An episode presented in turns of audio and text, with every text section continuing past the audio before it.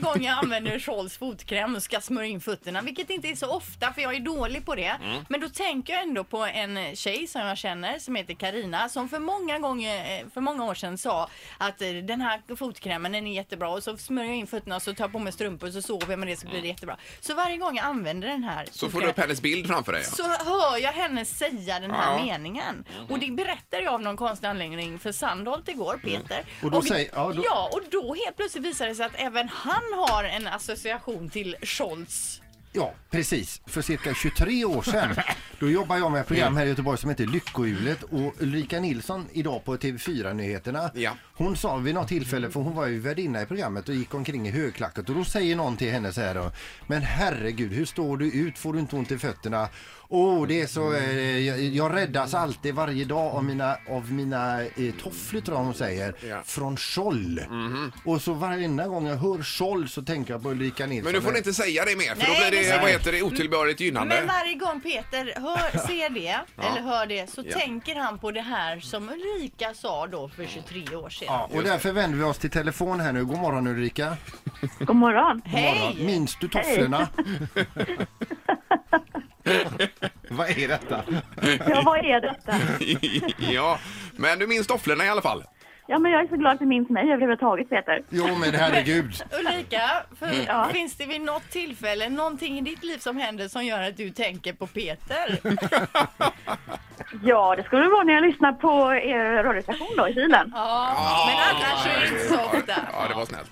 Men du minns du Jag att du, nämnde. att du, minns du, att du nämnde de här tofflorna när, när, eh, när du jobbade där och att du hade Jo, så? nej, men jag gillar ju foträta skor då när jag, när, jag, när jag kan gå i det så gör jag gärna det. Så Ja, att ja. Det, det är ju skönt. Eh, Men, men berätta bara för de som inte har sett Lyckohjulet, och vad var det för någonting?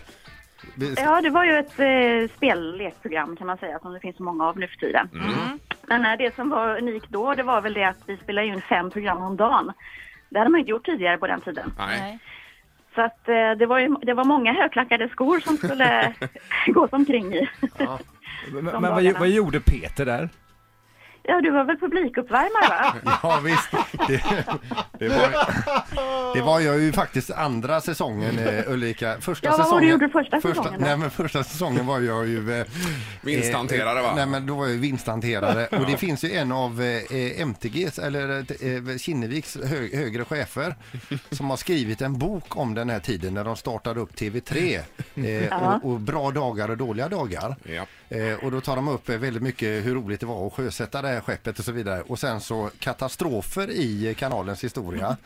Eh, då står det bland annat om den här TV3s första gameshow som då hade en prishanterarsvarig som ställde till det något så fruktansvärt som de hade att göra i över ett halvår efteråt för att reda upp. Du, jag tror faktiskt att jag var med och ställde upp efter det där. Ja, det var det ja. ja Det var herregud, alltså ja. Peter Sandholt vi pratade om. Men har du, su- har du suttit med mina papper och mina priser? Ja, ja Nej. faktiskt. Nej, men jag kommer ihåg att jag blev, blev satt på det där några veckor, eh, ställde upp i det där vinst... Eh, Ja, ja, trasslet. Den här va? Och sen, sen dess har det gått ut för kan man säga. Jag gör det så gärna för dig Peter. Ja, vad snäll du är. Men det har gått bra för Ulrika i alla fall. det kan vi Det är också. konstatera. Ja, men jag har ju också överlevt. Jo då, det är, det är klart. Fast igår eh, när vi googlade på låtsasjobba, bildgoogla, den första bilden som kom upp det var på Peter Sandholt. På riktigt alltså. Ja, ja, det var intressant. Men vad är, för vi har ringt upp Ulrika här nu. Var det bara skorna du ville prata med henne om? Ja Peter, visst, eller var det... för att se om hon minns de här Sko- tofflorna. Åh, minns du Ulrika att du har sagt det här att det är så skönt med de här goda tofflorna och det? Ja, det har jag säkert sagt för det, jag går gärna i sådana här när jag slipper gå i högklackat. Ja, ja. ja. Ja. Precis. Ja, nej men då så. Där är vi klara. Ja, men, tack för att du var med och bekräftade historien. Ja, ha det bra nu. ja, ha det bra. Tack så mycket Hej, Ulrika. hej, hej, hej. Ha det gott. Hon är ändå nyhetsankare på fyran här ju. Jo, men vi fick ju en jättetrevlig pratstund med Ulrika. Ett poddtips från Podplay. I fallen jag aldrig glömmer djupdyker Hasse Aro i arbetet bakom några av Sveriges mest uppseendeväckande brottsutredningar. Går vi in med hemlig telefonavlyssning och, och då upplever vi att vi får en total förändring av hans beteende. Vad är det som händer nu? Vem är det som läcker? Och så säger han att jag är kriminell, jag har varit kriminell i hela mitt liv men att mörda ett barn, där går min gräns. Nya säsongen av Fallen jag aldrig glömmer på Podplay.